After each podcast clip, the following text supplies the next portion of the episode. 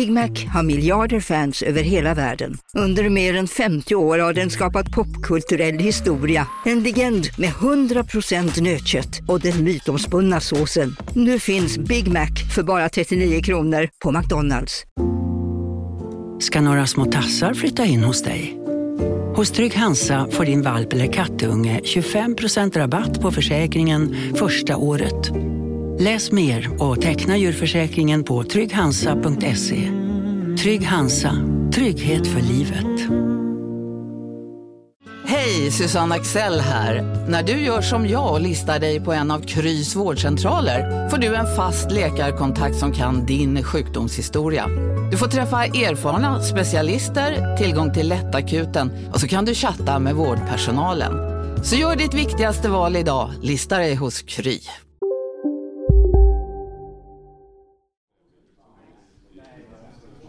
Säkerhetssalen hösten 2021. På ett sätt är säkerhetssalen en plats byggd för att hålla personer isär. Tilltalade som sitter häktade, åklagare och rätten med domare och nämndemän, de har sina egna ingångar till rättssalen. På läktaren skiljs vi också åt. Media på den ena delen, åhörare på den andra. Förhandlingen i sal 2 fortsätter. En av de rättegångar jag följer ska snart börja. Utanför väntar advokater som står och småsnackar. Det är ordningsvakter i rörelse. Men det finns också en tredje grupp här i rummet som kan vara de som bryr sig mest om hur det går idag men som inte har någon makt över rättegångens utfall. De anhöriga. Partners och föräldrar till de som nu ställs inför rätta.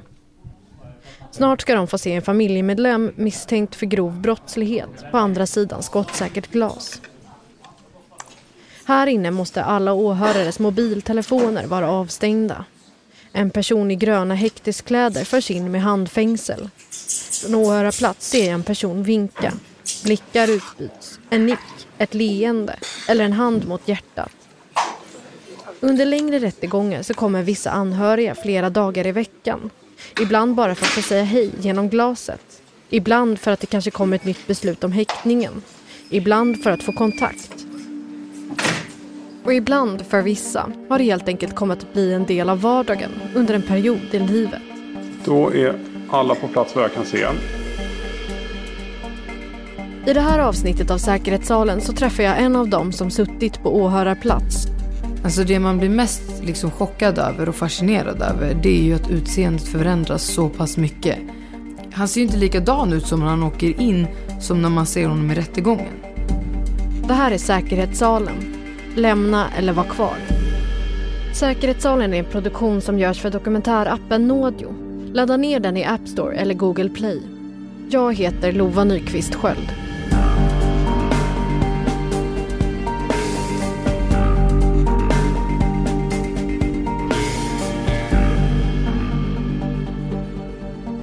Under de månaderna jag varit på plats i säkerhetssalarna har jag många gånger varit den enda journalisten en ordningsvakt som jag vid det här laget träffat nästan varje vecka skrev vid ett tillfälle ut lappar som han satt upp vid platsen där journalister sitter. På dem står det media. Gesten är gjord med glimten i ögat eftersom jag ofta varit just den enda som sitter där. Men på raden precis bredvid har det nästan alltid varit åtminstone någon åhörare. Jag har träffat föräldrar och kompisar till personer som är tilltalade i flera säkerhetssalar. Det är ibland deras enda chans att få se en anhörig. En av dem är Leila. Hon är i 20-årsåldern. Leila heter egentligen någonting annat och vi har bytt ut hennes röst.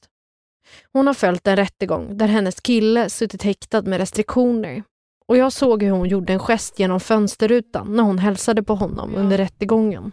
Uh, ska jag sätta mig så här? Så, vill du hoppa lite närmare mig? Leila beskriver sig själv som en tjej i 20-årsåldern som tycker om träning och skönhet. Hon jobbar samtidigt som hon också pluggar kriminologi. Ja, alltså vad ska man säga? Jag studerar min partner om man säger så, lite grann. Och det är väldigt lärorikt eftersom att jag... Ja, man kan säga att jag har en inblick i hur rättssystemet fungerar. Hur det är att vara liksom kriminell. Och både från en kriminells perspektiv, hur det ser ut och hur man tänker. Och från liksom mitt egna perspektiv, jag som är partner till någon som är kriminell. Så det är intressant. Leila och hennes kille träffas via gemensamma vänner. Han är några år äldre och de bor i samma område. De börjar ses varje dag och umgås hela tiden. Över tid så får de en vardag tillsammans. De flyttar ihop, skaffar en bil och han lär känna hennes vänner. Jag visste vad han var för typ av kille. Men jag trodde aldrig att han skulle liksom kunna bli gripen eller sitta i fängelse. Det trodde jag aldrig innan. Och jag vet att det låter kanske lite konstigt, men alltså jag känner så här, att man vet ju vem man är tillsammans med. Han var inte ostraffad när vi lärde känna varandra, men jag måste ju vara ärlig mot mig själv. Jag kunde inte förutse att det kunde hända. Men det var inte helt bortom liksom att det inte kunde hända. När de varit tillsammans i ungefär ett år blir han under deras relation gripen för första gången. Jag visste verkligen inte vad han var misstänkt för och jag hade inte den blekaste aning om vad det gällde. Utan det var liksom som att ingen sa till mig heller. En dag läser hon en artikel i tidningen och inser att det handlar om grovt vapenbrott. Men hon förstår inte vad det innebär eller vad han är misstänkt för. Han blev liksom anhållen på en gång så vi hade ju inte chans att prata med varandra. Så jag visste ju liksom ingenting. Och jag tänkte bara att jag... Men, jag vet inte ens vad ett vapenbrott är. Jag vet ingenting om ett vapen. Jag själv liksom, jag vet inte ens vad skillnaden mellan vapenbrott och grovt vapenbrott. Och, ja, men det var liksom bara så mycket frågor.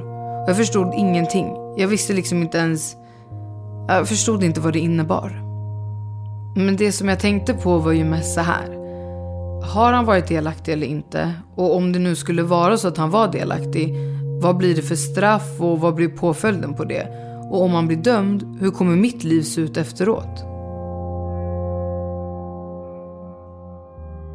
Lilas kille blir senare häktad med restriktioner i omgångar. Medan utredningen om vapenbrottet pågår blir han också frihetsberövad för annan brottslighet.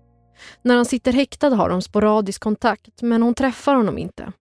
De kommunicerar via något enstaka samtal, men mest via brev. Brev som ska granskas av åklagare och därför tar en månad mellan svaren. Under tiden förändras hennes vardag helt. Det blir en stor omställning då hon känner att hon står ensam kvar. Det var väl vid den här tidpunkten, kanske efter en månad, som jag fattade att nu har det liksom gått så pass lång tid att det är så här. Jag kan inte sitta och ha hopp. Och jag kan inte heller sitta och tänka negativt. Utan man måste liksom vara neutral i situationen. Och tänka så här. Att vad som än händer så händer det. Och jag kan inte göra något åt det. Hon känner också en skyldighet och ansvar att sätta sig in i fallet, ha kontakt med advokat, med kompisar och informera dem som står nära om hur det går. Men det är mycket hon inte får svar på och hon känner en maktlöshet. Alltså jag har suttit på så många häktningsförhandlingar och liksom haft hopp på att han ska släppas. Men innerst inne så vet man nog att med största sannolikhet så kommer han vara kvar i häktet. Det blir ofta så. Och då är det liksom, ja, det är något man får acceptera. Och lära sig leva med. Även fast det är svårt.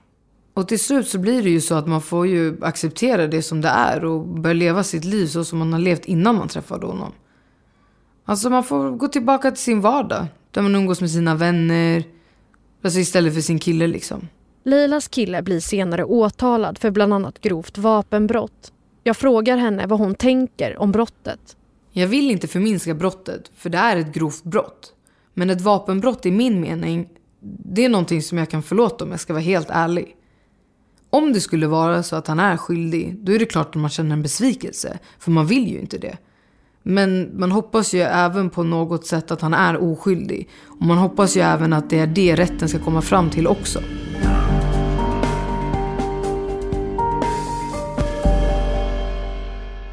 Säkerhetssalen görs tillsammans med Nodio. Det är en reklamfri app för dokumentärer. Ladda ner Nodio i App Store eller Google Play.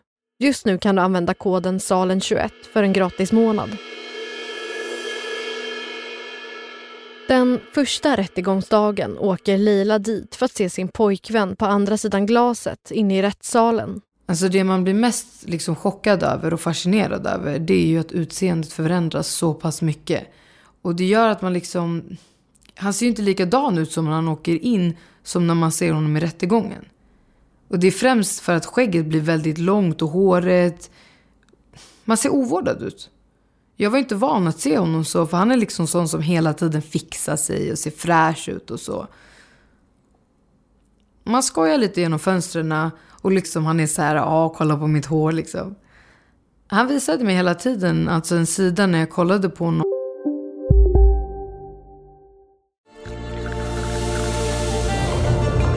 Välkommen till Maccafé på utvalda McDonalds restauranger med Baristakaffe till rimligt pris. Vad sägs om en latte eller cappuccino för bara 35 kronor? Alltid gjorda av våra utbildade baristor. Hej Sverige! Apoteket finns här för dig och alla du tycker om. Nu hittar du extra bra pris på massor av produkter hos oss. Allt för att du ska må bra. Välkommen till oss på Apoteket. Hej, Synoptik här. Livet med glasögon ska vara bekymmersfritt. Därför får du 30% på alla glasögon när du väljer Synoptik All Inclusive. All service ingår alltid. Välkommen till Synoptik. Att han var stark, att han var så här, jag klarar av det här, liksom så här, oroa dig inte. Alltså med hans blickar och så fick jag den uppfattningen. Men jag var ju såklart ledsen. Jag var ju alltså, jag ville ju inte se han där. Så liksom genom glaset in i rättssalen? Precis, det var det jag fick liksom. Man kan ju inte prata med varandra genom glaset. Man kan ju ge varandra blickar liksom med händerna och så. Och då var det liksom så här. Det var ju så här. Ja, men det var fina gester. Där han liksom förklarade att ja, men så här, det är bra med mig. Man kan ju liksom förklara det med miner. Leila bestämmer sig för att följa rättegången så gott det går. Samtidigt jobbar hon och pluggar. Det är svårt att alltid hinna med. För henne är det ett sätt att visa sitt stöd, berättar hon. Chocken hon kände vid första gången han greps har lagt sig, men hon säger att hon inte heller vant sig helt. Det känns som att man har förändrats lite som person och blivit mer kall som person. Liksom i sina känslor. För jag är en sån person, jag har väldigt svårt för förändringar egentligen. Och jag tycker inte om att vara utan människor som jag egentligen umgås med hela tiden. Så liksom från att gå till att liksom så här, ja men verkligen gråta för att man är utan varandra. Till att liksom den här gången har jag knappt visat några känslor mot mig själv. Och det är för att jag känner knappt någonting. Samtidigt beskriver Leila att hon är kvar i mycket som är deras gemensamma liv utanför murarna och rättssalen. Över tid handlar det inte bara om en saknad, utan att få ihop praktiska saker. För att i början så är det mycket så här, ja, vi är utan varandra och jag mår så dåligt för att vi inte är med varandra. Men sen blir det så här, shit, jag har verkligen mycket att ta hand om här ute. Och som jag nu måste göra själv. Och det är liksom allt från lägenhet till bil till fakturor. En dag kommer domen. Leilas kille blir dömd till flera års fängelse för bland annat grovt vapenbrott. Domen överklagas till hovrätten och Leilas hopp om framtiden lever vidare. Hans tid stannar ju upp på ett sätt när han sitter, men min tid fortsätter ju. Och jag måste ändå fortsätta leva. Även fast det är svårt att leva utan en människa som man har varit med hela tiden. Men jag vill ju ändå på något sätt liksom leva vidare och fokusera på det som jag gör. Liksom min skola, mitt jobb, Enligt Leila så tycker vissa personer, speciellt i hennes killes umgängeskrets, att det inte är en så stor grej att sitta inne eller bli dömd. Jag ska säga två saker här. Dels har vi tagit bort detaljer om domen i Leilas svar. Och sen också att Leila berättar utifrån sina egna upplevelser när hon beskriver sin killes umgängeskrets sätt att se på fängelsetid. För dem att sitta inne eller att bli dömd, det är liksom så här, ja, men, det är bara att brösta den. Att liksom, ja, men det är liksom en femma till exempel, fem år. Att det är så här, ja det går snabbt, det är snart över. Men, och det är liksom någonting i deras livsstil som de ändå måste vara alltså, redo på. Alltså förberedda på. För annars så kommer de bryta ihop när det väl händer. Och det har han sagt till mig flera gånger också. Att man måste vara förberedd på det värsta. För annars sitter du där så blir du dömd liksom. Och så tänker du liksom att, oh shit. Det här trodde du aldrig skulle hända dig själv. Och då kan det bli svårt att acceptera det. Och då kan man liksom bryta ihop. Och det smittar av sig på oss anhöriga också. För att jag liksom får tänka så här. Okej, okay, det är tur att det bara är några år den här gången. Det kunde ha varit värre. Det kunde ha varit tio år, förstår du? Vad, vad, tänker du om, om det? Att det blir som du säger, att det, eller smittar av sig, eller att du också liksom anammar det tankesättet? Mm, jag tänker ju ja, att det är lite destruktivt nästan. Jag vill egentligen inte acceptera det. Att man ska vara borta från någon så pass länge. Men man måste hela tiden tänka så här. Alltså, du vet, jag tänker så här. Shit. Om några år när han kommer ut. Vart är jag då? Då är jag klar med min utbildning. Då är liksom, ja, men jag kommer vara på en helt annan plats. Och det vet jag. Men han kommer vara på samma plats. Och det som jag tänker är liksom så här. Att om man ska klara av det och man vill liksom vara med personen i fråga. Alltså då måste man acceptera. Man måste se det bra i det hela. Och då måste man tänka så här. Det var tur att det inte var tio år. Det är så man får tänka. Även fast det liksom är destruktivt. Mot sig själv. Att sitta häktad, att vara misstänkt för brott, att som respektive behöva sitta på åhörarplats i en rättssal. Det är saker som blivit viktigt för Lila att inte normalisera. Hon säger till sin kille att det här är en situation som inte är vanlig och som hon hoppas på inte händer i framtiden. Det handlar mest om att jag vill inte att han ska tro att det är normalt heller. För att jag vet att han blir påverkad av omgivningen. Och jag vet att hur inbankat det än är i hans hjärna, att det inte är en sån big deal att sitta, så är det det.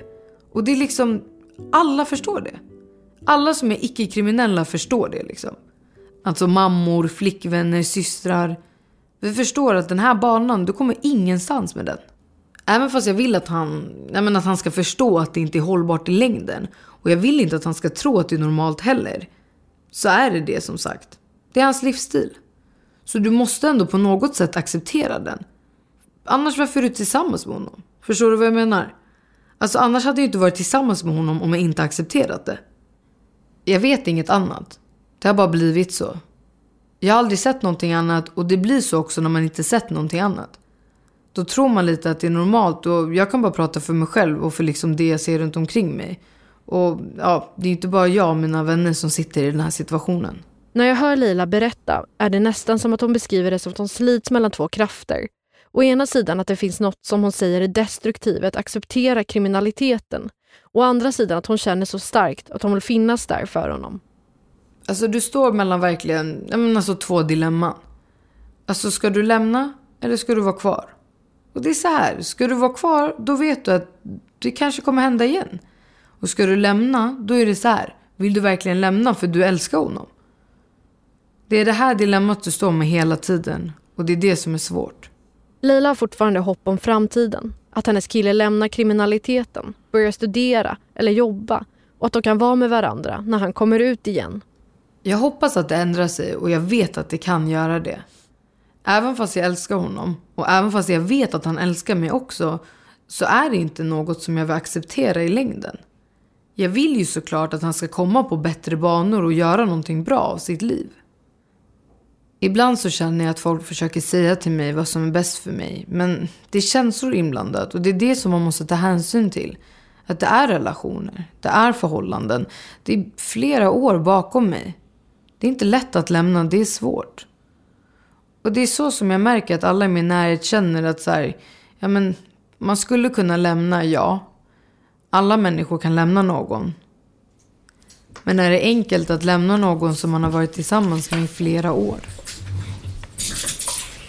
Tillbaka till säkerhetssalen och en av de andra rättegångarna som jag har följt. Och det gäller dig också. Inte ens hälsa eller morsa på åhörarna i det här läget.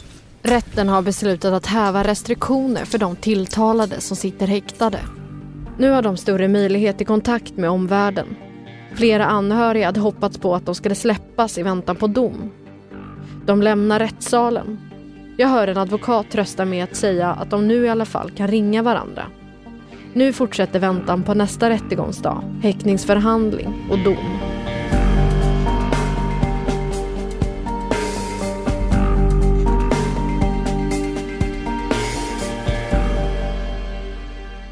Hört ett avsnitt av Säkerhetssalen, en produktion för Nådio av tredje statsmakten Media.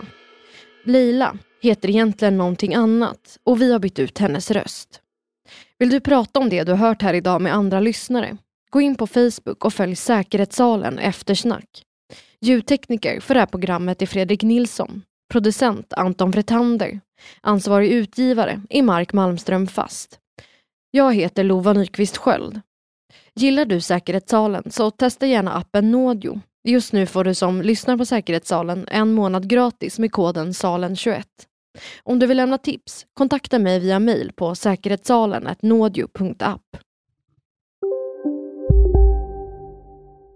Välkommen till Maccafé på utvalda McDonalds restauranger med Baristakaffe till rimligt pris. Vad sägs om en latte eller cappuccino för bara 35 kronor? Alltid gjorda av våra utbildade baristor. Okej hörni, gänget! Vad är vårt motto? Allt är inte som du tror. Nej, allt är inte alltid som du tror. Nu täcker vårt nät 99,3 procent av Sveriges befolkning baserat på röstteckning och folkbokföringsadress. Ta reda på mer på 3.se eller i din 3-butik.